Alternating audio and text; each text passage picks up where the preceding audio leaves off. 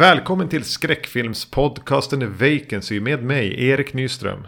Och med mig, Magnus Johansson. Jag tänkte börja med att du skulle få tala om för våra lyssnare vem det är som har gjort vårat ledmotiv. Vi är lite dåliga på att ge den mannen cred för det. Precis, det är Thomas Almgren som har gjort den. Eh, och han har ett band som heter Hearts of Black Science. Jag tänker alltid Black Heart Procession. Det är något band som jag lyssnade på någon gång för 20 år sedan. Jag tänker alltid att det är det, men det är yes. lite likt.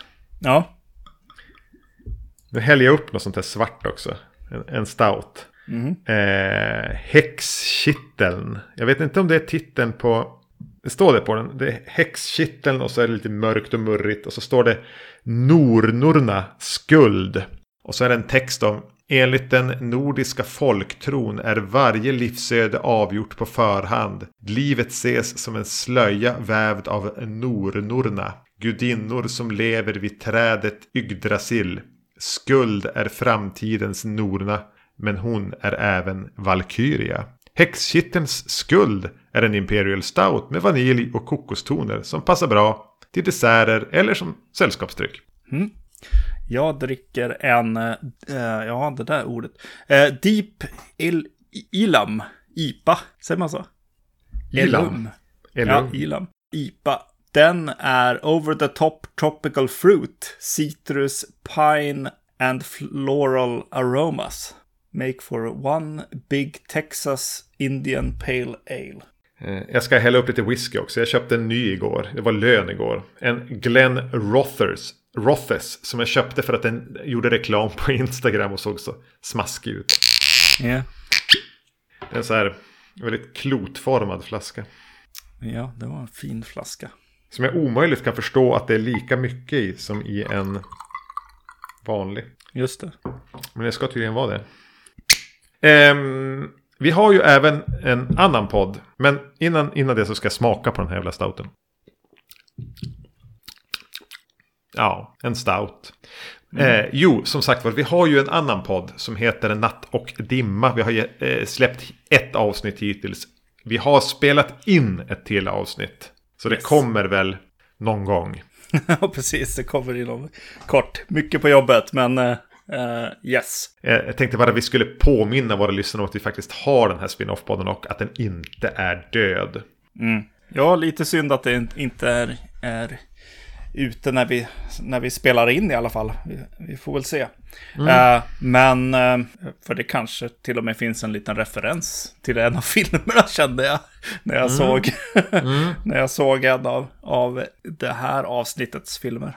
Jo, jag tänkte även bara säga att i förra avsnittet pratade ju eh, vi och Emil om eh, Malignant och den här fruktansvärda Halloween Kills. Mm. Lite grann för att, att eh, rena mig eh, och, så, och även Emil då så pratade vi, har, har, har vi spelat in ett avsnitt som väl eh, när det här avsnittet släpps finns att tillgå.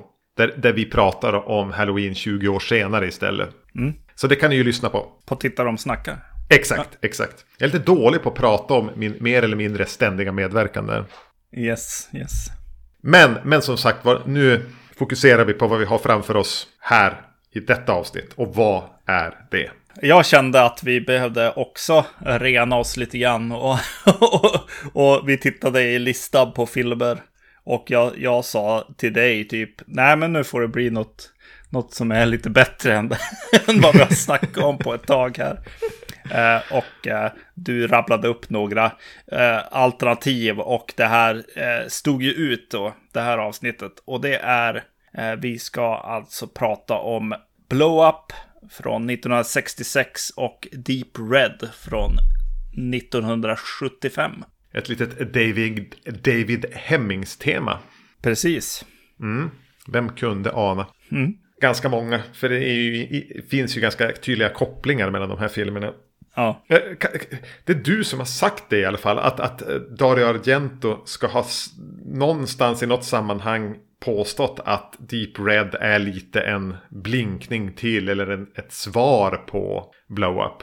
Uh, det, jag tror att det, det är snarare kanske uh, filmvetare som har varit med på kommentarspår eller om jag har läst i, i lite böcker om, om den här filmen. Att, uh. Och han kanske har påstått det till dem.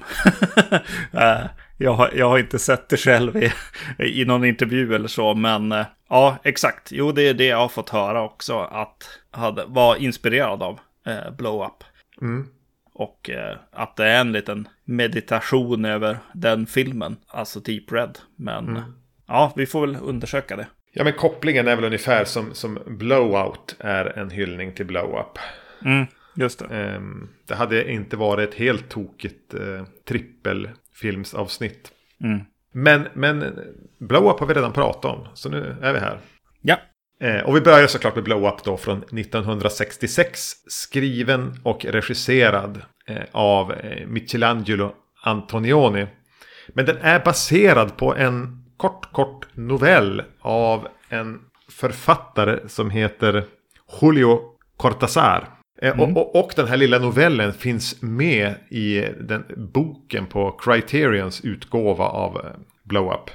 Mm. Som jag har tittat på. Jag har eh, inte orkat läsa den såklart. Så, mycket, så, så jävla djupt är jag inte beredd att researcha. Men jag kan i alla fall informera om att den finns där. Den är väldigt kort. Det tar nog inte mer än 20, 25 minuter att läsa den. Mm. Men Antonioni är ju en av de här italienska regissörerna som ändå betyder någonting för mig. Eh, eh om man ska bortse från, från eh, ja, men skräckregissörerna. Mm. Så är, är ju han den av de här arthouse-gubbarna som faktiskt har lyckats slå an någonting väldigt dovt någonstans i mig. Och jag har inte riktigt fått grepp om det än. Men, men, men det är en av mina favoriter. Mm. Jag är väldigt förtjust i Lanotte. Och Red Desert som väl båda kom före den här. Mm. Eh, har du någon, någon, någonting du vill säga om Antonioni? Alltså, ja, jag, jag köpte på mig en, en bunt med filmer. Vi såg, vi såg en av filmerna, jag och eh, frugan, och tyckte den var fantastiskt bra. Och sen rann filmkvällarna med Antonioni ut i sanden. Eh, tyvärr. Och det här är eh, snart 30 år sedan ni såg ja, ja, exakt. Ja, det blir väl så säkert. Vad heter den då? La, La Adventura, eller vad den heter. Hjälp mig. Laventura, Leclis och La Notte. Är ju som en trilogi. Ja. Aventura, Aventura är den där de, någon, de tappar bort någon på en ö. Mm. Är det den? En kvinna försvinner på en Nej. ö. Nej, det är de här som ska mötas i en korsning. Ja, ja men det är väl Leclis. Ja, det var den vi såg. Just ja. det. Mm. Ganska, det är ganska hårdtuggade och knepiga, men på många sätt fantastiska filmer. Ja, den var, den var fantastisk. Yes. Och jag är övertygad om att du skulle gilla ja, men både de andra två delarna, men även Red Desert. Mm. Som är i färg. Ja. Eh, men här, 66 då, något år senare så gjorde Antonioni en film i England. Kanske mm. för en bredare publik. Lite, li, lite mer, lite lättare på något vis. ja. Men det är ju fortfarande en, en, ett arthouse-mysterie. Mm. Eh, som kretsar kring en fotograf i London. Spelad av David Hemmings. Som eh, fotar eh, modeller och verkar vara lite halv, allmänt halvgrisig. Men som när han springer runt i parken och börjar fota ett par. Börjar ana att han kanske har fotat någonting helt annat än vad han trodde. Kan det vara så att han har råkat fotografera ett mord? Mm, precis. Ja, jag vet inte hur långt vi kommer komma in här. Uh, jag, jag, kan ju bara säga att jag, jag, jag gillar verkligen den här filmen. ja. Tycker den är väldigt bra. Uh, och uh, ja, som du säger, bredare publik. Jo, men kanske inte en, en 2021 publik. nej, gud nej. Alltså, det är ju fortfarande arthouse. ja. Och väldigt vagt i allt. Ja. Men den, den, den är ju inte så jävla knepig ändå. Nej, nej, nej, precis. Den går ju Den är ju lite pop, popkulturell. Den är i London på eh, andra halvan av 60-talet. Det är lite poppiga frisyrer. Swinging 60s. Eh, de är på någon konsert med något tufft band och sådär. Alltså den, den försöker väl fånga en vibb av var London var vid den här tidpunkten också. Mm. Mm. Det är väl en film, eh, ja precis. Ja men det blir väl det kanske med Arthouse och, och så att, att, ja men den är lite Kubrick-aktig eh, också på något sätt. Och då, då kommer väl saker eh, som sker i filmerna få mer eh, värde kanske att fundera kring än, än vad, det, vad, vad som är normalt i vilken film, annan film som helst. Det är inte, inte så mycket man, man börjar fundera kring eh, i rovdjuret till exempel. E-, e-, eller egentligen i Deep Red då som vi ska prata om. Nej, precis, senare. just det. Ja, Utan precis. det är betydligt mer som finns under ytan här som man kan, som man kan diskutera och filosofera kring. Ja, precis. Och man får ju en känsla av att, att London definitivt har, har med saken att göra. Ja, den öppnar ju med ett mysterium lite grann. Tycker jag. Med de här högljudda mimarna som kommer och kör i en bil och skriker och hojtar och, ja. och kör runt i modern stadsmiljö där i början. Och man bara, vad, vad händer? och den, är ju, förutom mimerna där, så är den ju väldigt intresserad bara att åka med längs Londons gator. Mm. Eh, Hemmings karaktär här kör ju väldigt mycket i sin bil. Fram mm. och tillbaks och hit och dit. Eh, och, och, och, och, filmen är väldigt noga med att visa skillnaderna i arkitekturen. Mm. Att det kan vara några så här murriga, låga eh, tegelstensbyggnader. Sen kommer det några knallröda hus. Tydligen målade av Antonioni. För, mm. Av någon anledning. Och att han även målade gatan i vissa avseenden. För att få kontrasten mot det röda. Och så kan det helt plötsligt bryta upp och så kommer det stora höga lyxiga skyskrapor. Mm det finns, eh, och det tycker jag jag har sett i hans andra filmer, att det finns ett intresse för arkitekturen och kontrasterna, hur, hur, hur en stad bryts upp, bryts sönder. Kanske att den vill säga någonting om samhällsskikten, kanske hur den vill säga någonting om människans bara byggande och förändrande av, av, av naturen, miljön, stadsbilden. Mm. Eh, men det är så tydligt att den vill säga någonting om det. Och vad fan gör de där mimarna i det hela?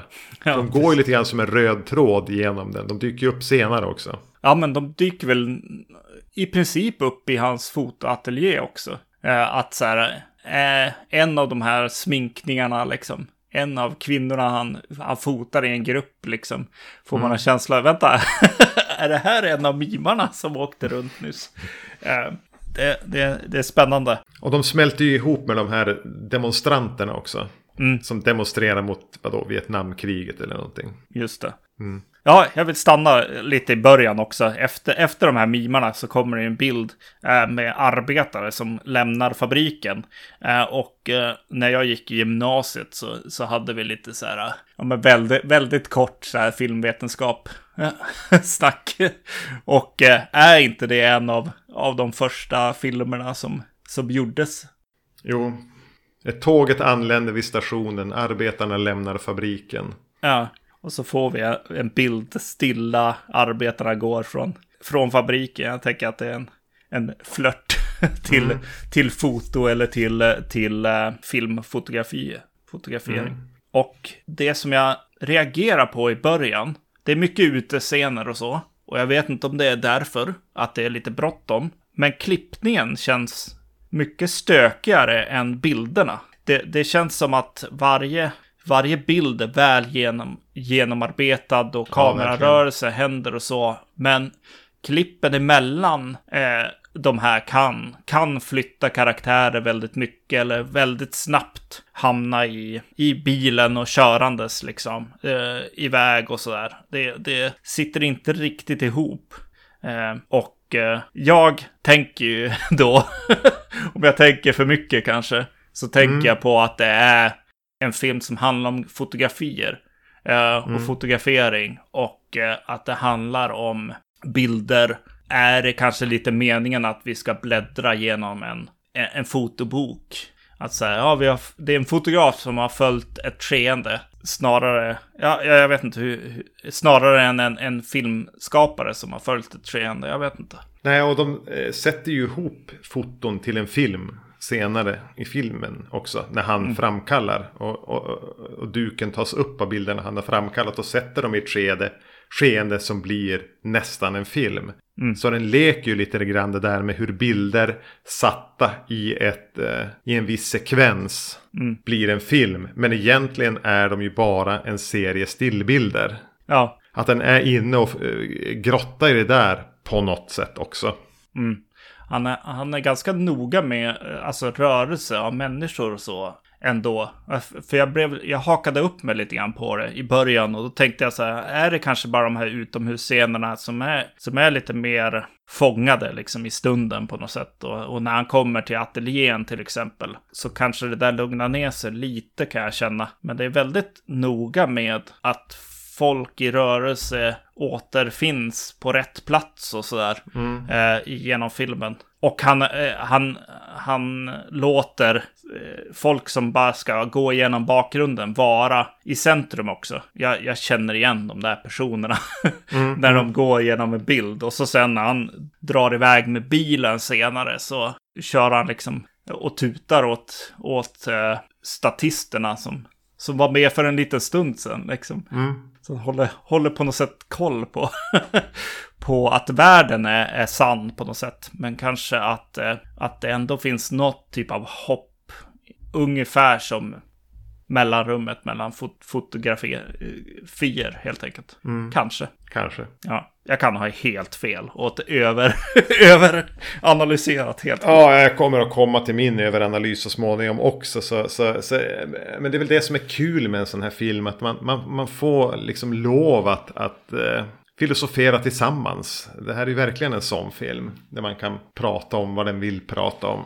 Precis. Och sen när han är och fotograferar så drar de starka paralleller mellan, mellan eh, fotografi, eh, fotografering och jazzmusik. Ja, och sex skulle jag säga. Ja, och sex också. Men, men jag, jag, jag, jag fastnade lite grann i det där att, att han fotograferar och det spelas jazzmusik och det blir som att eh, det han gör med fotograferingen är att han jammar och liksom jazz, jazzar iväg på något sätt. Ja. Det är väl kanske en av de parallellerna som jag, jag då sen kan dra till Deep Red sen när vi kommer dit. Så vi kan komma ihåg det. Yes. Håll, håll den i huvudet. Och definitivt så, så är, har ju fot fotografen sex med sitt subjekt. Eh, helt klart. Det, mm.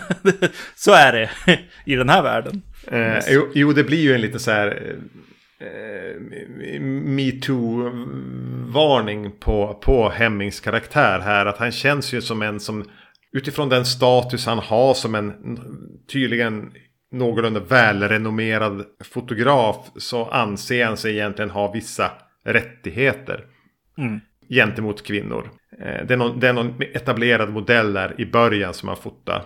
Och, mm. och, som han ju typ inte kan låta bli att kyssa på halsen vid några tillfällen. Mm. Och sen är det de här två yngre som, som är där och liksom nästan groupies eller vill bli kända. Jane Birkin spelar en av dem. Mm. Som han ju ganska ogenerat utnyttjar. Ja. Att jag tänker på eh, han Arnaud, kulturprofilen. Mm. Eh, som blev dömd här. Att, att det, det här var liksom en en attityd hos vissa kulturmänniskor under en era där de ansågs vara genier, och manliga genier som kunde ta för sig av de kvinnor som kastade, kastades fram framför dem. De bara tog för sig. Mm. Att någonting vill den väl vara inne och, och, och, och, i alla fall observera det. Sen kanske inte säger så mycket om det. Nej. Eh, men, men om vi redan från början ska vara inne på att prata om saker vad jag tänker att den pratar om.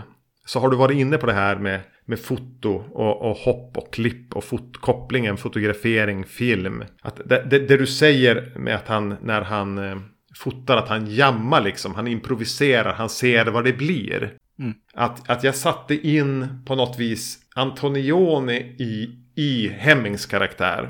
Mm. Som, som konstnären som gör någonting och sen hittar en mening i det. Att skapandet kan komma först. Sen kommer betydelsen. Ja. Och jag tänker lite grann att, att, han har ju den här kompisen som bor typ, alltså han, bakdörren på, på där Hemmings studio är över en bakgård, innergård, leder som till, till, till en eh, kompis han har som är, eh, han målar. Mm. Den typen av konstnär som har en, en, som på något sätt Hemmings verkar se upp till. Eh, och, och eh, de kommer in och han har en målning där han beskriver, ja, jag alltså, säger egentligen det rakt ut. Att ja, men jag målar någonting och sen hittar jag någonting i det jag gillar. Till exempel här, den här tavlan gjorde jag för tre år sedan och titta på det här benet, jag kan inte släppa det eller vad det nu är. Mm. Eh, och, och, och, jag eh, gjorde den kopplingen här med konst och skapandet av konst, att man kanske gör det och sen kommer meningen. Mm lite grann som det då blir med, med Hemmings fotografier i parken här som först bara är en, att han fotograferar någonting. Men sen vid studerandet visar det sig kanske finnas en mening där. Ja. Ett syfte, en, ett budskap. Som vi alltid brukar säga, någonting den vill prata om. Där var jag och grubblade när jag såg den. Ja. Jo, alltså, ja precis. Jo, men det är ju det är ju bra för att jag tänkte också faktiskt i just den dialogen när, när han pratar med den här konstnären att den kändes lite som att konstnären var, det var viktigt att han sa rätt sak där. Att han sa hela meningen som stod i manus. Jag, jag, jag fick en sån eh, känsla av att så här, här är det inte lika jazzigt. Eh, utan han var, jag, eh, ja, han pratade om sin konst på ett sätt som man kanske skulle lyssna på. Jag, jag, jag tänkte nästan, finns ens den här konstnären i verkligheten? Eller är det här en del av, eh, alltså att han gick in i sig själv där? Mm, mm, Hur den här kvinnan som han kon, den, här, den konstnärens flickvän som vill att han ska titta när de har sex. Och sen kommer över och, och, och pratar lite med honom. Så där var jag i betydelsen av den nu. Men även lite grann i det här att man kan, djävulen är i detaljerna. Man kan studera detaljerna och för tillfället tycka sig se en mening. Men backar du försvinner den. Va, Mm. Som sagt, det finns mycket, att, mycket att, att, att fundera och diskutera kring eh, vad man kan hitta för, för toner i den, undertoner för te, tematiker. Men den är ju även en, så här, fantastiskt glassigt, snygg, schysst film att titta på. mm, mm. Jag tycker att han, ja, han är ju skarp alltså. Antonioni här. Då har de ju varit i ateljéer, fotat eh, eh, sex och jazz och, och liksom lek och det är mycket, mycket ljud, mycket musik. Och så sen eh, dyker han upp i parken och eh, filmen blir helt knäpptyst. Ja, Man hör bara fotsteg och hans rörelser och, och kanske något Vinden. träd. Och, Ja, precis. Och direkt sätter jag mig liksom upp och bara, jaha, vad, vad betyder de här rosorna? Vad betyder tennisplanen? Eh, vad betyder, alltså det, det blir verkligen bara, nu ska du titta, nu är det viktigt att du är med. Och han, han dock, eh, David Hemmings karaktär, han är lekfull. Han studsar runt, han, han, eh, eh, han tar inte det här på allvar. Eh, utan han leker runt och är på en helt annan plats än jag som publik som helt plötsligt blir bara helt skärpt och ska titta på det här medan han bara studsar runt och liksom hoppar över häckar och nej men lite, li, lite så. Som ett lite barn. som ett barn som flamsar runt ja. Mm. När hela filmen säger lugn nu. Ja, Missa inget nu. Nu blir det liksom, alltså den blir ju nästan som eh, när Hitchcock börjar sätta upp en så här stor setpiece. Eller då Brian De Palma. Som imiterar Hitchcock. Att man, fast med, med, med, en, med, med en egen, egen finish. Det känns inte som att han apar Hitchcock. Inte alls. Utan det blir något eget. Och, och park, parkscenen här blir ju otroligt fängslande. mm. jo, verkligen. Och man börjar ju själv leta, som du säger, meningar, detaljer. Vad ser jag? Och, och kanske framförallt när man ser den för andra eller tredje eller fjärde gången. Mycket bra scen. Ja, precis. Och så här, åh, där är ett par. Oj, de går in där. Och så sen går han runt en, en, en stund och så får vi tag i dem igen. Ja. Oj, nu står de där. Uh, Okej. ja, ja, ja. ja, det är coolt alltså. Ja, Mycket bra scen. Men det jag ska säga, det, det som kommer lite senare. Det blir aldrig speciellt tydligt. Det blir en liten konfrontation med kvinnan. Hon vill inte att han ska fota. Hon vill ha negativet och han tjafsar, flörtar lite grann med henne. Hon dyker upp i hans studio och det fortsätter. Hon, hon, hon är väl ganska tydlig med att hon är beredd att ligga med han bara hon får negativet. Ja, Och han ger henne ett negativ, men det är inte det. Men han blir ju intresserad av varför hon vill ha negativet så gärna. Ja. Och sen, jag menar om scenen i parken har någonting, någonting lite magiskt i, i hur den kräver min uppmärksamhet. Så scenen när han sen framkallar filmen. ja, Jag minns när jag såg den här första gången. Det var ganska länge sedan. Alltså jag tror inte jag andades på tio minuter. nej. För ja, det är sällan jag har varit med om att en scen kräver min fullständiga uppmärksamhet och koncentration. Det är så sjukt spännande. Jag är så hypnotiserad av varenda jävla litet korn av filmen här under de sekvenserna. Han är i ett litet mörkrum, han tar fram något, han tittar på det, han förstorar upp någonting. jag, jag, jag, jag, känner, jag blir liksom matt bara av att, av att eh, formulera hur jävla fängslande och spännande, hypnotiserande, vad kan det vara, 10-12 minuter det är. Mm. Och jag tycker att det är så snyggt också att det är, oj, nu är vi i parken. Ingen musik, bara, bara ljud från mm. faktiska, autentiska ljud. Eh, eller ja, ljuddesign är det väl, men det är coolt alltså. Bara, ja, ah, nej, nu är vi tillbaka här. pop, pop, skärpning. Dags att kolla. Nej, det, det är coolt alltså. Jo, det är en väldigt bra scen. Och så är det så här, är det det här lite, lite luriga liksom. Är det något där? Ser jag något? Vad ser jag för någonting? Mm. Och så blir det helt plötsligt ganska tydligt. Och så försvinner det lite grann. Ja, mm. det, det, ja, det är häftigt.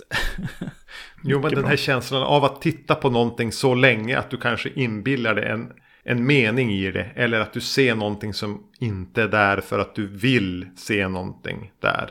Mm. Men det är nog där, eller? Ja, precis. Ja. Ja, nej, jag vet inte. jag vet inte hur långt jag ska ta det, men... Eh, ja, nej, det, det är asbra. En scen som jag minns väldigt tydligt, det är en väldigt så här gubbfantasiscen som bara dyker upp sen. så jag, jag, vet inte om, om det är därför, men det är de här eh, groupie-tjejerna som dyker upp igen. Jean Rolais-tjejerna har jag har jag döpt dem till. ja, Jane Birkin och någon.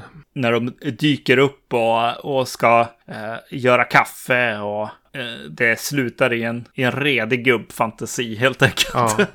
den, den scenen är så, ja men den kommer så lägligt kan jag tycka. Att säga bara, vänta, jag är intresserad av annat nu. Mm. och de bara kommer och bara stör in i, i vad, vi, vad, vad vi håller på med. Så ja, jag, ty jag, jag, tycker det är fräckt på något sätt att, att lämna det där ett tag. Mm. Jo, det, finns, det finns mycket att gilla här och, och att plocka upp olika saker när man ser den olika gånger. Jag tänkte också den här gången på att, att den är gjord 66 och, och Deep Red är gjord 75. Och eh, det, blev, det blev tydligt hur ung, ungdomlig han är. Hur, hur ung han är. Och hur fast besluten han är att stanna i barn, barndomen. Kanske är det det här konstnärliga geniet eller alltså rock...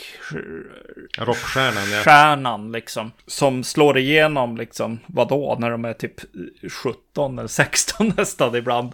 Och så bara, ja, ja, här, här blir lägligt. Jag stannar här. Jag har managers. Jag har folk som bara tar mig mellan bussar och, eh, och upp på en scen liksom. Men, va, men vad har jag egentligen då? Ja, ja, jo. jo.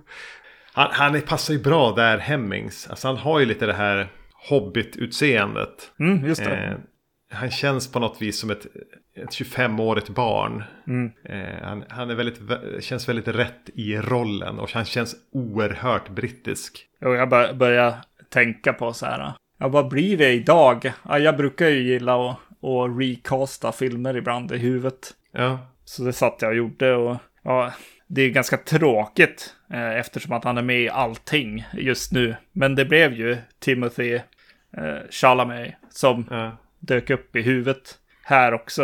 Eh, Medan jag egentligen, kanske en annan titt där jag inte tänkte på hur ung han är, så kanske jag skulle ha satt Oscar Isaac eller Ryan Gosling ja. Eller, ja. eller så i, i rollen nu. Men nej, han, han är ju pojk, eh, pojk och ny, nyrik på något sätt också. Mm. Han hittar ju, eller ja, han kanske inte gör så mycket pengar jag vet inte faktiskt. Men han... Nej, men det är svårt att säga också. Ja. Och, och, och, är han ens begåvad? Alltså, ja. Har han ens talang? Jag, jag, tycker ändå att de fokuserar en del på att han fakt nog ändå har det. Uh, när han är och pratar med sin manager där eller vad det nu är som ska sätta ihop en, uh, en fotobok. Mm. Uh, så går de igenom ganska länge bilder som jag skulle anse är är värdiga en fotobok. Så att jag, jag, jag, tror nog ändå att, att filmen vill att han ska ha talangen också. ja. Eller? Ja, nej, nej, absolut. Mm. Alltså, jag, jag, tror inte den är tydlig åt, åt något håll. Nej. Nu, nu var det bara jag som for iväg. Mm. Eh, utifrån hur man kan tänka just det att han är så ung. Ja. Att, att han har gjort någonting vid ett tillfälle men, men har han kunnat bevara den här begåvningen? Alltså har han kunnat ta den vidare? Att det är det lite grann den här målande konstnären i, i, i hans inre kanske. Mm. Som är den sanna talangen som han på något sätt är avundsjuk på. Han vill ha, köpa hans tavla. Han vill försöka få den men han får den inte. Nej. Eller den här, den här jävla propellern han insisterar på att köpa. Mm. Att, att, att, det känns lite desperat. Ja. Ähm, att, att jag menar, om jag köper den och säger att jag ser ett värde i den. Har den det då? För ja, att jag är ju ett geni. Jag tänker lite likadant på den här. Mot slutet av filmen är den på en rockkonsert. Mm. Med, med något band. Som slår sönder sina instrument och kastar ut en del av en elgitarr i publiken. Mm. Och där och då i sammanhanget är den där värd att dö för. Ja. Och han lyckas ju få med sig den och, och bara vandra ut från klubben. Men han har lämnat sammanhanget så har den här konstdelen av en, en ritual, en konst, konstnärlig ceremoni inget värde så han kastar den bara på gatan. Just det. Mm. Ja, intressant. Jo, jag, jag, jag, fick stor känsla av vux, vuxenbarn när jag såg filmen med just de där sakerna. Men det, du, du, är ju, du har ju helt rätt där också. Men jag såg det väldigt mycket som att jag har pengar, jag kan köpa en propeller. Mm. Uh, jag, jag, ska ha en bil och den ska inte ha tak. och uh, jag ska fan ta ja. den där bollen på fotbollsmatchen. Eller mm. vad det kan vara liksom, som kommer upp i publiken. Jag vet inte. Uh,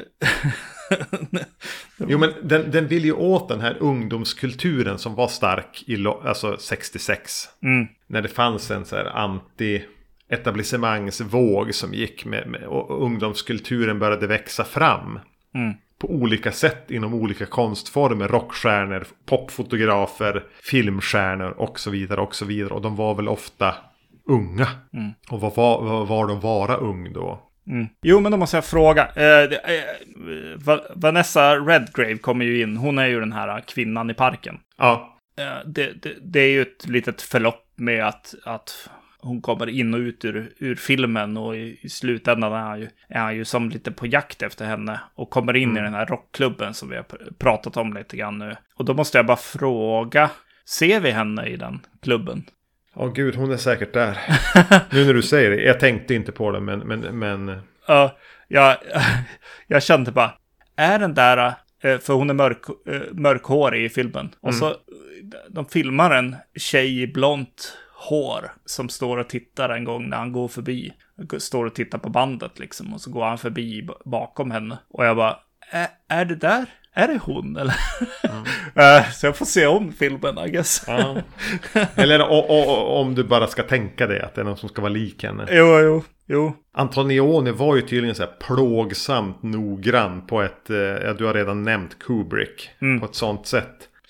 Alltså det var en, en jättejobbig inspelning det här för att det tog sån tid. Han var väl kanske inte den som krävde tusen omtagningar men det tog tid att sätta upp och han funderade och han gick runt och det, skådespelarna bara trampade runt och de tog lite grann och de, de skruvade i ljuset och han bytte ut något och det, det var alltså plågsamt segt att spela in den här filmen. Och så gick han tillbaks till sitt kontor och tänkte och skrev lite grann och så kom han tillbaks med någon idé. Mm. Så han har ju varit noga med detaljer. Mm. Så mycket, jag menar i och med att han målar om hus och jävla asfalten. Ja. så tänker jag ju inte att det är en slump om någon som du ser i publiken får det att tänka på eh, eh, kvinnan han letar efter. Nej, precis. Det kan vara casting, ja. Jo, det är sant. Ja, ja jo. Alltså, det, det, var lite roligt. Jag, jag började se den här, barnen var på väg och gå och lägga sig. De som fastnade till ändå och stod, stod och tittade och så helt plötsligt sa de, vad ger det här? alltså, det var som att det bara var lång, långsamt, ingenting hände, det var bara musik och lite fotografering som pågick. Ja. och så bara, vad, vad, vad ger det här? Vart ska det här? Och så bara, ja men, ja men alltså, det är bra Kom det här. Sett det, här. Ska, det här är bra. ni ska se. Och så, och så jag bara, Ja, nu är det 25 minuter. Nu har det gått 25 minuter. Nu är han i parken. jag tyckte det var lite roligt. När jag väl fick den med mig på något sätt. Där de hade Vad sagt ger så. det här? Vad ger det här? Och, och det är ju kul för att hela filmen frågar ju den frågan lite grann också. det är inte bara slow burn, utan det är verkligen slow burn till vad ger det här? Jo, ha med det. Vad Ja. ger det här? ja. ja, nej men det är jätte... Mm, mycket snyggt. Mm. Yes. Men det är långt ifrån Antonionis bästa, skulle jag säga. Så... Ja, precis. Se, Jo, se Red Desert nu då. ja, ja, ja, absolut. Jo, precis. Jo, mot, mot eh, den jag såg. Leclis. Ja. Det är så svårt med eh, språk. Ja, det är lättare att säga Red Desert. Ja, ja, jämfört med den så, så är, är det inte, inte bästa heller. eh, av de två. Så att eh, yes, det finns definitivt mer, och- mer att hämta när man har fastnat här. Men den här är väl närmast eh, eh, skräckfilm kanske. Ja, men jo, men det skulle jag säga. ja, Ska vi prata om Deep Red då? ja eh, då ska jag öppna nästa. Hette den också någonting med Deep? 000 Brewing. Den här var väldigt svår att hitta något på. Vad den skulle heta. Ja, 00 Brewing Det kallar vi var, den. det var bara en eh, bild på ett träd och lite färger. Du får scanna etiketten i någon sån här det. öl-app. Mm. Så ser du vad den heter. Ja, men eh, Profondo Rosso heter väl också den här filmen. Ja, precis. Jo, Eh, The Giallo to End All Giallos. precis. Var det inte så? Ja, exakt. yes. Dario Argento berättar historien om jazzpianisten David Hemmings. Jag kom fan inte ihåg vad någon heter. Det är oviktigt. Mark någonting. Ja, nej, Ja. jag vet inte. Som eh, råkar bevittna ett mord.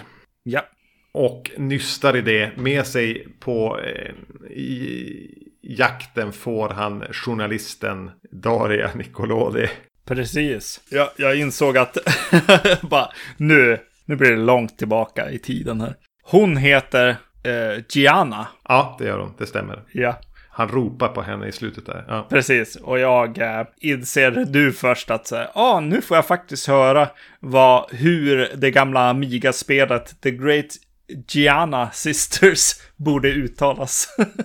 Inte Great Gianna Sisters Gianna alltså. Sisters, som vi sa. Yes. Var hon en av dem? ja, precis. Jo. Sisters och Daria Nicolodi. är- Var, var det spelet någon slags Dario-hyllning med, med systrar och... Just det, just det. Eh, Goblin gör musiken. Det är väl ganska viktigt. Det är en viktig del här. Ja, precis. Alltså, ja, det börjar ju med fas- fantastisk musik helt enkelt. Och man bara, Goblin är så jävla bra. Det, det, är- det är som vanligt eh, musiken som Goblin har gett Dario Argento gör väldigt, väldigt mycket för, Ja. för eh, hans karriär och varför jag eh, är så stort fan av Dario Argento. Mm, jag tänkte på det i den här också. Det är ganska stökiga förtexter. Mm. Den, den, den hoppar lite hit och dit. Musiken ligger där och så ska den in och berätta något litet skede. Och så ska vi in i den här tillbakablicken med den här nursery-låten. Och så tillbaks till förtexterna. Och Mm. Musiken är i alla avseenden fantastisk. Men Argento tvekar ju inte att liksom veva yxan i den. Ja, Eller bara vrida ner volymen för att nu ska jag göra ett klipp. ja, Alltså jag tänker om man ska jämföra med, med hur John Carpenter använder musiken i Halloween. Så har ju, har ju han filmen där. ja, Och så komponerar han musiken nästan när han tittar på klippningen. ja. Medan Argento har skrivit sin historia. Eh, han får musiken av Goblin som är färdiga låtar. Som inte är någonting som han kan gå in och säga. Jag gillar det där men skulle ni kunna göra så där. Och så vill jag ha den här versionen av den där. Då den slutar där. Och tona över i det. Ja. Utan det gör ju han med en trubbig yxa. ja. Eh, och det är liksom fantastisk musik. I många avseenden fantastiska bilder också. Mm. Men alltså han har ju klippt. Han har ju inte klippt den, han har ju rivit av saker. Ja, jo. jo, verkligen. Eh, alltså det är så jävla hackigt. På ett sätt som är bara, men, men vad fan visst är du bättre än så här Dario? är du inte det? Jo, just hur den bör öppna med så här. Ja. Här får ni jävligt bra musik. Det här kommer att bli grymt. Klipp. jul, någon huggs ihjäl, kniv, barnben, speldosan då. Som en Ja. helt annan musik. Eh, eh, Goblin-musik. Och så bara klipp tillbaks. bara kör låten som ni just hörde igen. Ja, den var väl bra. Här har ni den igen. Och så när, när Dario Argentos namn kommer upp på skärmen då bara hugg av den. Ja. yes. Nej, det... ja, det är lite Jo, kul. alltså. Det är lite kul. Och, och någonstans ligger lite charmen i, i, i Darius eh, filmer i det här. Mm. Ja, men det, det, det där blev bra. Ja, Alltså att han kan vara jävligt noga i vissa saker och så jävla slarvig i mycket annat. ja, ja. Men, men Deep Red anses väl kanske vara hans bästa film i vissa... Många håller nog den bäst. Tillsammans med Suspiria. I vissa fall eh, Bird with the Crystal Plumage. Det är de tre, lite olika vad man har för preferenser. Mm, precis. Men, men, men av de tre är ju det här den, den slängigaste och slarvigaste och, och bökiga filmen. Mm, mm. På gott och ont ska jag säga. Jo, Får man med sig allt här. Det, det är ju verkligen en, en transformationsfilm. Alltså den är på väg. Den är på vä- högst, eh, väldigt mycket på väg till Suspiria. Men också ifrån eh, Bird with the Crystal Plumage. Ja. Alltså musiken är ju nästan Suspiria-musiken i vissa fall. ja, Jag tänkte på det vid den här titeln att, att den, vänta nu, är inte det här, Mm. kommer inte de här ljuden precis. snart? japp. Eh, när vinden susar och sånt där. Så att den är ju nästan där. Mm. Så, så jag håller med, det här är ju en övergångsfilm. Jo. Som han verkar ha haft ganska kul när han har gjort. Ja, precis. Jo. Något, något som jag...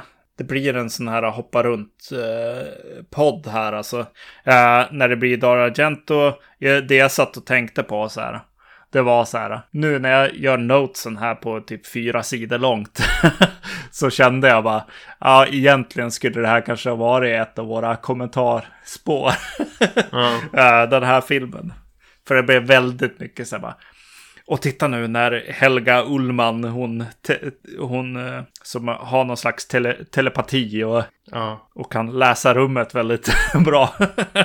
Hon, eh, alltså bara hur han, hur han klipper in på munnen och, och vattnet kommer ut och alltså det, han, han leker och bara dansar runt och har jävligt roligt med foto och liksom klippning och eh, det tekniska här. Helt klart.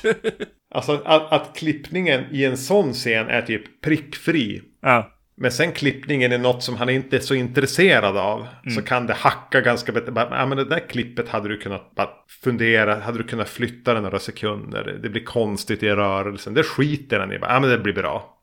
River av filmen där. ja. Medan den här scenen med, med Helga Ullman när hon sitter där på den här scenen och, och vattnet och grejer. Minutiöst genomarbetat. Mm, mm. Så, så den är ju så här ojämn och svängig. På gott och ont. Hela tiden. Och eh, ja, som han, som han alltid förmodligen kommer få kritik för, i alla fall från mig, det är ju att skådespelarregi, det är han inte intresserad av. Nej. så, Ja, det får de sköta själva. ja, precis. Och så blir han själv frustrerad på det. det är så jävla dumt. ja. Eh, på tal om, ga, eh, vad heter det, eh, geniet som får göra vad han vill lite grann. Mm. Jo, precis. För, för i, även i den scenen så är det väldigt stort agerande helt enkelt. Men, men fot, ja, fotot gör det rätt okej ändå. Ja. det är det. Det fungerar. Jo, jag gillar ju den scenen också när, när den här liksom kameran ställer sig upp från eh, salongen och liksom bara går därifrån. Jag tycker att det är en väldigt effektiv på något sätt berättande där. Ja, jo, man förstår ju vad det handlar om. japp, japp. Min, min favoritscen i filmen Mm. kommer strax därefter. Ja, För det är när David Hemmings här träffar på sin kompis. Som ser ut som en, en, en italiensk dåre. Mm. Barpianistkompis som är jättefull. Och de är ute på det här torget. Och vi flyttar upp kameran på ett sätt som får mig att tänka på parken i, i, i Blow Up. Mm. Eh, och och eh, baren där han spelar är ju den här målningen. Då. Kända, vad heter Night Hawks eller någonting. Imiterar ju Argento där. Jo, han bara byggt upp den. Ja. Och, och hur de pratar på utanför och hur de rör sig. Och sen ser de det här, hör de ett skrik och ser ett mord i ett fönster. Och, och hur det som jobbar sig vidare. Och sen kommer de till, efter det som händer där, det kommer vi återkomma till. Men så är de ute där igen och står väldigt långt ifrån varandra. Så som i varsin bildkant och pratar Hemmings och, och den här kompisen. ja, precis. Jag glömmer vad han heter. Ja. Något på C. Ja. Carlo. Carlo, ja, just. Ja. Allt som utspelas runt det där torget tycker jag har en väldigt härlig touch. Samspelet dem emellan sitter för att vara Argento framför allt. Och hur han låter dem röra sig på det här torget. Och det är viktigt var någon står i vissa scener. Och Hemmings går upp i den här lägenheten på jakt efter det här skriket. Och tittar ner och ser Carlo och mördaren som går iväg. Och Där tycker jag för mig på något vis, många skulle säga huset eller, eller eh, så. Men, just det här torget är för mig hjärtat i, i, i Deep Red. Jag tycker det är mycket bra där. Det är det i huset också som vi kommer att prata om. Men, men eh, där är det snyggt iscensatt. Och man anar hela tiden att varje bildruta kanske döljs det någonting där. Kanske borde jag vara på min vakt här. Lite grann som parken i, i Blow Up. Och Lite grann så, inte på samma sätt. Ja, precis. Ja, absolut. Alltså jag, jag håller helt med. Att det är, de sta- den starkaste scenen kanske man ska säga. Eller scenerna eller, eller skeendet. Jag, nej, men jag bara håller med. Och, och jag sa till frugan som satt, satt i soffan också bara. Där vill jag vara. Jag, jag ville ha varit där.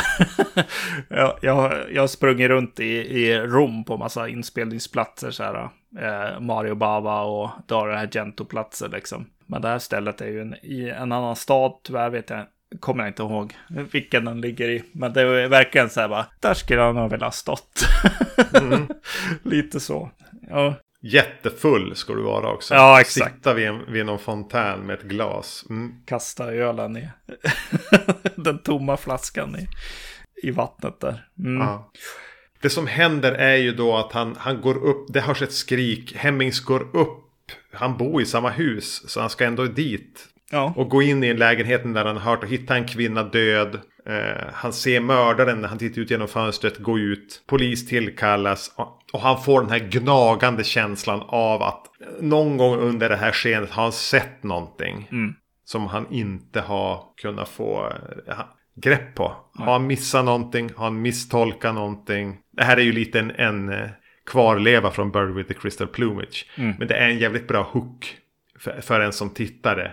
Har jag misstolkat någonting? Eh, har jag läst en bild fel? Och, och även den lutar sig mot, mot blow-up. Eh, eh, gott så. Men om Hemmings karaktär bara kunde sluta tjata om det. För under 15 till 20 minuter av filmen så är det det enda han säger.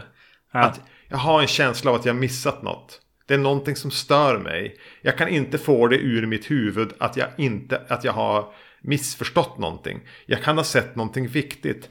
Jag tror att det har med en målning att göra. Jag kan inte få det ur mitt huvud att någonting med en målning är fel. Den är viktig. Jag har missat något viktigt. Jag blir men håll bara käft. Jo. Vi har förstått. Ja, den flörtar väl till och med. Det är någon som föreslår. Jo, men det är när de står och ropar åt varandra där på torget. Föreslår ju hans kompis där att så här, det, det kanske var någon tavla som, som mördaren tog bort för att det fanns något viktigt i den från kanske från barndomen eller någonting. Nej men typ nästan så. Eh, Som kän, känns också som en flört till, till uh, Dario Argentos andra uh, Giallo-filmer helt enkelt. Jo, Men det blir bara, ja, men, ja, och samtidigt får man att tänka, ja, men- Dario Argento är, han jobbar inte subtilt. Nej. jo, nej, nej, han tjatade ganska mycket om det. Ja, det störde mig, det Ja. ska jag säga. Om vi då pratar om saker som stör mig så vill, ska vi bara avhandla det andra stora problemet med den här filmen för mig. Ja, Och det är försöken till humor. Det är försöken till screwball-komedi mellan Hemmings och Daria Nicolodi. ja, Med den här jävla bilen med sätet som far ner. Och, att- och jättelånga, tjafsiga, meningslösa scener där de ska bryta arm. Och eh, bara tramsa på. Och jag vill tro att det finns två versioner av Deep Red. Och jag Ja. vill tro att den kortare så slipper man det här. Eh, definitivt. Men jag lyckas aldrig se den kortare. Nej, exakt. Den utgåvan som jag har har, har båda. Eh, och eh, eh, jag tänker ju att ja, men David Hemming är med här. Jag borde, jag, jag ser den på engelska. Och då är det ganska tydligt. För då, då är ju alla scener som är klippta ur den amerikanska eller liksom engelsktalande versionen av, av filmen eh, är ju på italienska i den eh, utgåvan i alla fall som jag har.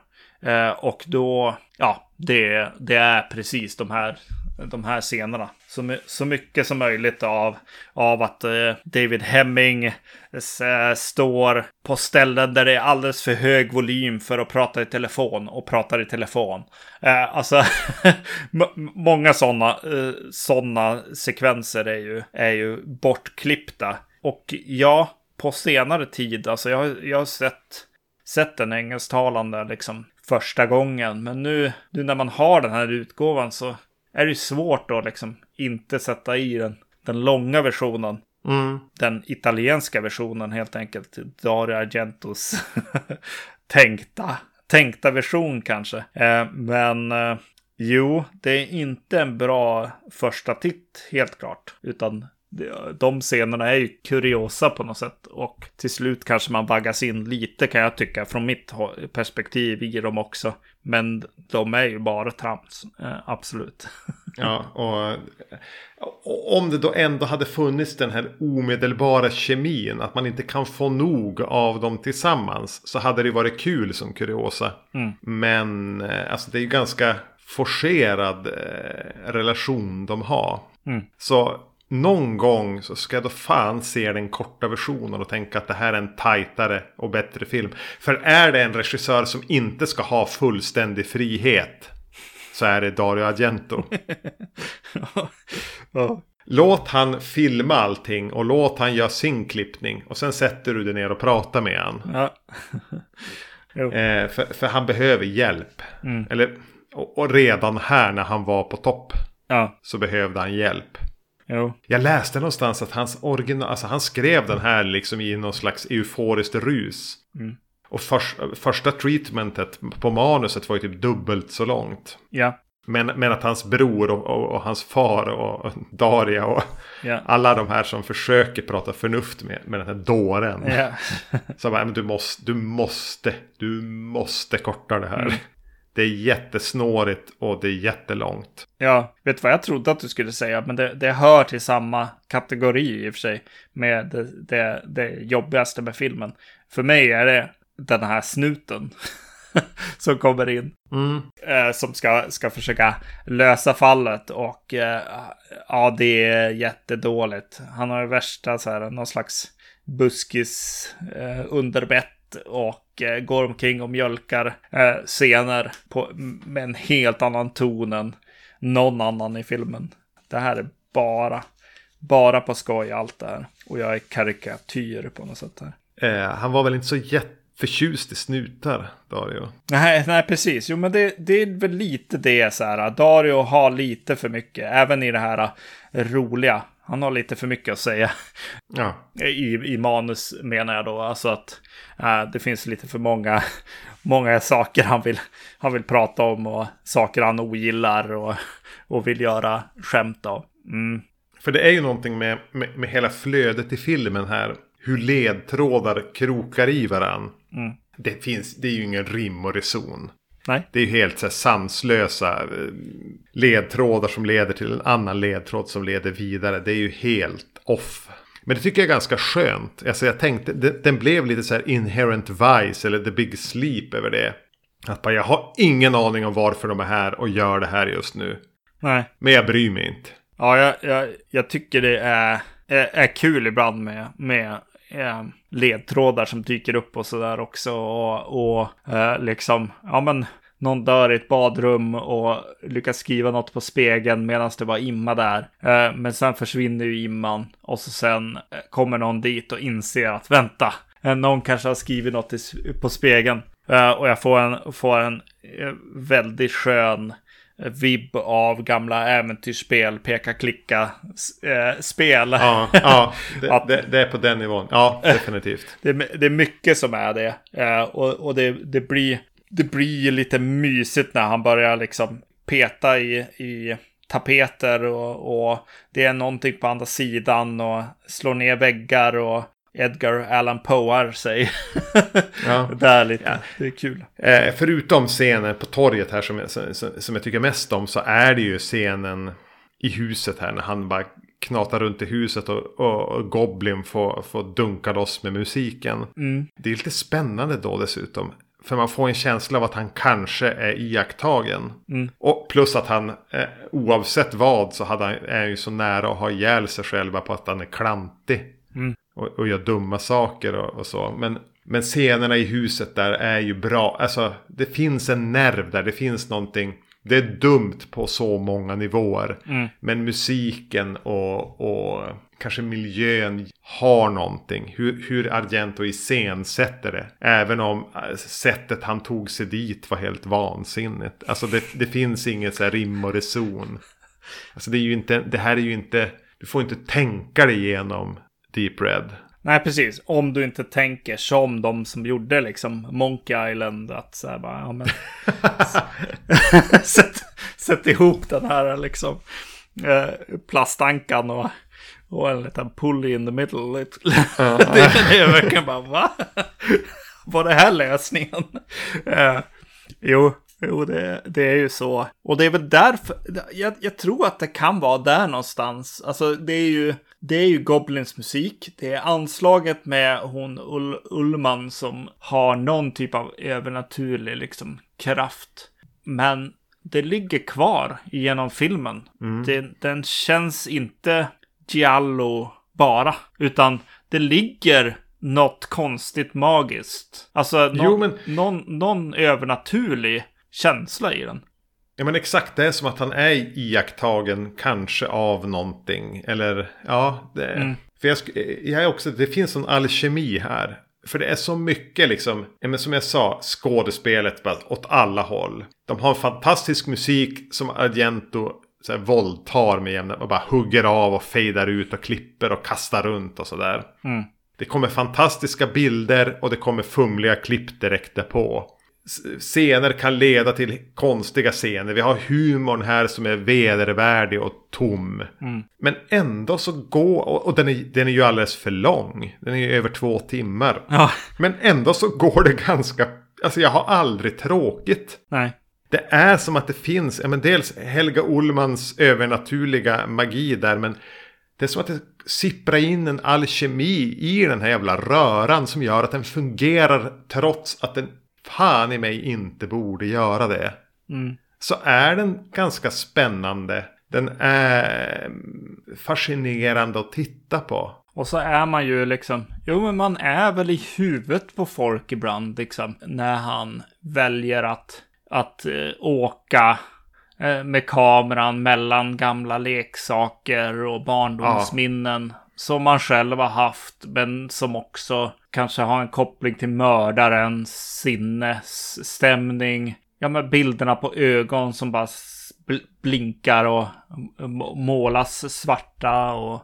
Ja, men den, de, de scenerna, förutom scenerna på torget, huset, är ju de här eh, jättenärbilderna på spelkulor och den jävla virk garnknyte där, åker runt till musiken. Mm. Och, och, och ge kanske ledtrådar. Det har ju någonting också. Någonting som lite magiskt, någonting nästan övernaturligt. Alltså det, sättet det smälter ihop blir, ja, helheten är så jävla mycket bättre än, än beståndsdelarna. Även om vissa beståndsdelarna är fantastiska och vissa är katastrofalt usla. Mm.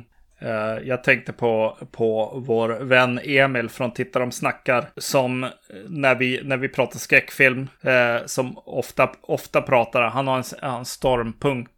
Att man inte får blanda olika liksom, skräckelement. Om du, om du gör en vampyrfilm så är det vampyrer som ska vara, som ska vara det läskiga. Ja, det ska liksom. inte vara någon jävla sierska där eller någonting. Nej. Nej, precis. Eh, och så sen när, uh, vad heter hon, Ul Ullmans, uh, jag vet inte, vad, vad kan det vara, publisher eller, jag vet inte. Nå någon slags hjälpreda där. är det han med lite långt hår och skägg? Ja, precis. Han ser riktigt jävla douche ut. Ja, Aha. exakt. jag, vill, jag vill slå honom hela tiden. När, när han börjar gå omkring hemma och jag inser att vänta nu, nu kommer den snart, den här eh, dockroboten, barnroboten som kommer, kommer springa fram mot honom. Ja. och jag tänkte bara, det här, det här går ju inte. Så här får man ju inte göra, i alla fall enligt Emils recept där. Nej. Den, den är så väldigt konstig. Jag började tänka så här, jag ville vara snäll, jag ville så här lösa varför kom den här in? Det här lösryckta in, infallet som mm. Dara Argento har fått, eh, vilket jag läser det som. Men så här bara, för det är ju ingen leksak från barndomen egentligen. Heller. Men va, va, vem leker med det där? Ja, precis, exakt. Så börjar jag tänka på, på ja, det, spo, det är i spoiler-territorium, men jag, jag börjar ja, tänka... Men vi spoilar, vi spoilar. Är det en specialeffekt? alltså, är det, är det det det är? det det det är? Ska jag tänka på, på filmvärlden eller någon slags teatervärld här? Ja. Och börja tänka på hur det kanske ligger till. Men, ja, nej. nej, det är väldigt konstigt där. Mm. Uh, något som jag, jag vet inte, jag har säkert lagt märke till det förut, men när de, de kommer ju till olika platser igen, så här, ja men när de har klarat en, en bana eller ett område i ett äventyrsspel så ska de vidare till nästa. Uh, och då ska de till en skola. Ja, källarlokalen där. Ja, ja och uh, när de går in där tycker jag är jäkligt snyggt ändå. Och när de klipper till lite, lite platser i skolan och bland annat inne på en toalett. Och så står det i rött Kill your father and mother. Står det på väggen. Och väldigt, väldigt snabbt så här klipp. Och jag bara wow, wow, wow. Lugn. Lugn. Precis. Har du klottrat det någon gång? Nej, det har jag aldrig gjort. Nej, jag tror ingen har gjort det. Nej. Utöver den där. Mm. Som jag, vi, vi måste få spoila ändå. Mm. För, för förutom det jag har pratat om det så är ändå en stark upplevelse är ju den här twisten som filmen har Mm. på slutet. Mm. När han inser vad det är han har missat eller misstolkat, sett fel, vad fattas. Just det. För det är en oerhört modig och skickligt genomförd eh, luring. Ja. Eh, att han, när han har gått genom korridoren på i, i lägenheten när han hittar den här döda kvinnan. Så har han i en spegel sett mördaren gömma sig. Och, och, och när man vet det och när man ser filmen igen så ser man ju mördaren där. Ja. Gömd mot en tavla. Man ser ansiktet. Ja. Det är modigt. Och det är mycket häftigt genomfört. Att det, Ja. att det går igenom liksom. Ja. Det är nog väldigt, väldigt få som åtminstone eh, hajar vem, vem det är. Ja. Om ens att det var någon där. Det, det handlar ju om millisekunder. Ja, jo. Eh, så, ja, jag skulle gärna vilja höra av den person som första gången den såg Deep Red såg mördaren, kände igen mördaren och kunde när mördaren dyker upp senare kan vi väl säga. Mm. Säga även där, det där är ju mördaren. Eh, ja, verkligen. För det, för det är häftigt när man får det förklarat och, och det är häftigt. Det, det ger den ett visst replay value. Ja. Varje gång jag ser om den så är det spännande att kika där när han går i den där korridoren med tavlorna. Mm. Ja, precis. Och när han ställer sig på plats liksom. Och inser vad, vad som har hänt. Sny snyggt berättat eh, bild, bildmässigt också. Sen dyker ju mördaren upp och det är, det är lite jobbigt så här.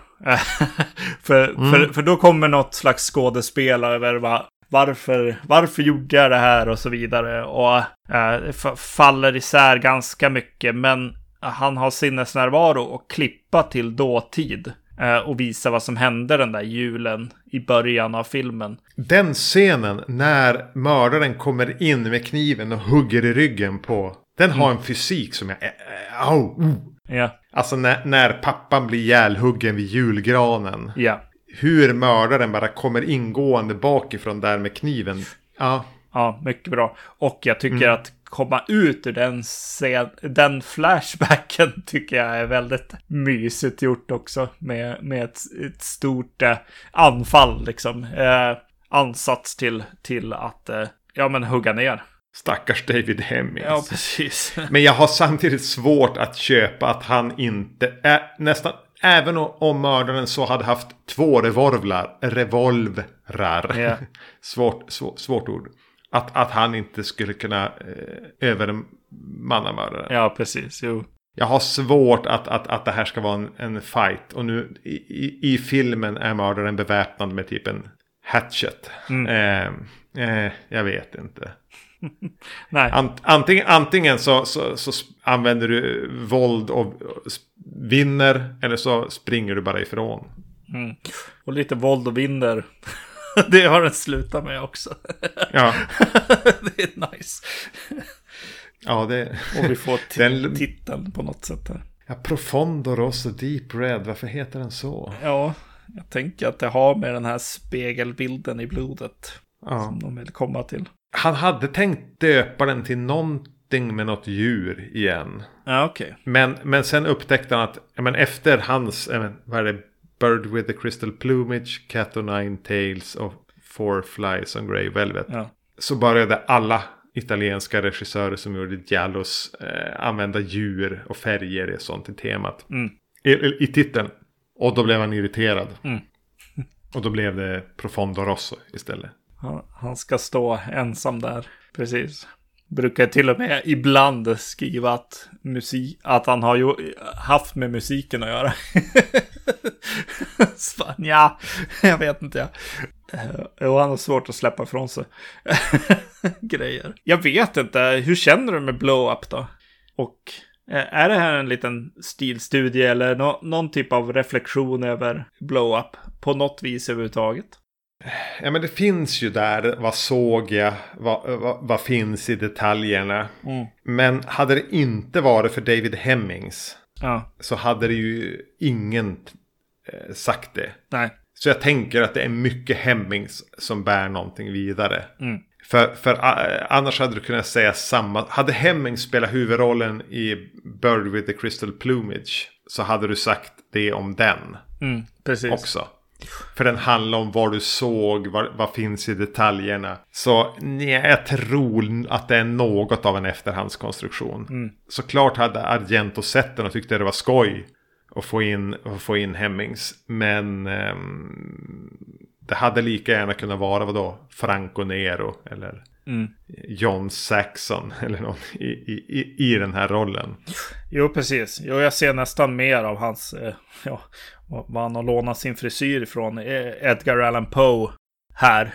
Ja, ja. Och, ja, som jag nämnde eh, till vårt andra avsnitt, Sunset Boulevard finns det ju någon slags koppling till. Någon typ av referens finns ju där, helt klart. ja. Mm. Men, men ehm, Nicoletta Elmi vill jag bara säga dyker ju upp här. Mm. Den rödhåriga italienska barnet Just- som dök upp i en massa filmer. Ja. Är ju med här också. Just det. Hon är med i Demons, hon är med i uh, Bay of Blood, hon är med i Who Saw Her Die och säkert något mer. Mm. Dödar hon en ödla här? Ja, definitivt. definitivt. Filmjävel? Ja, Eller ungjävel? Jag vet inte. nej, precis. Jävel. Nej, det är nog filmjävel. Ja. Vi har inte pratat om Bay of Blood va? På podden.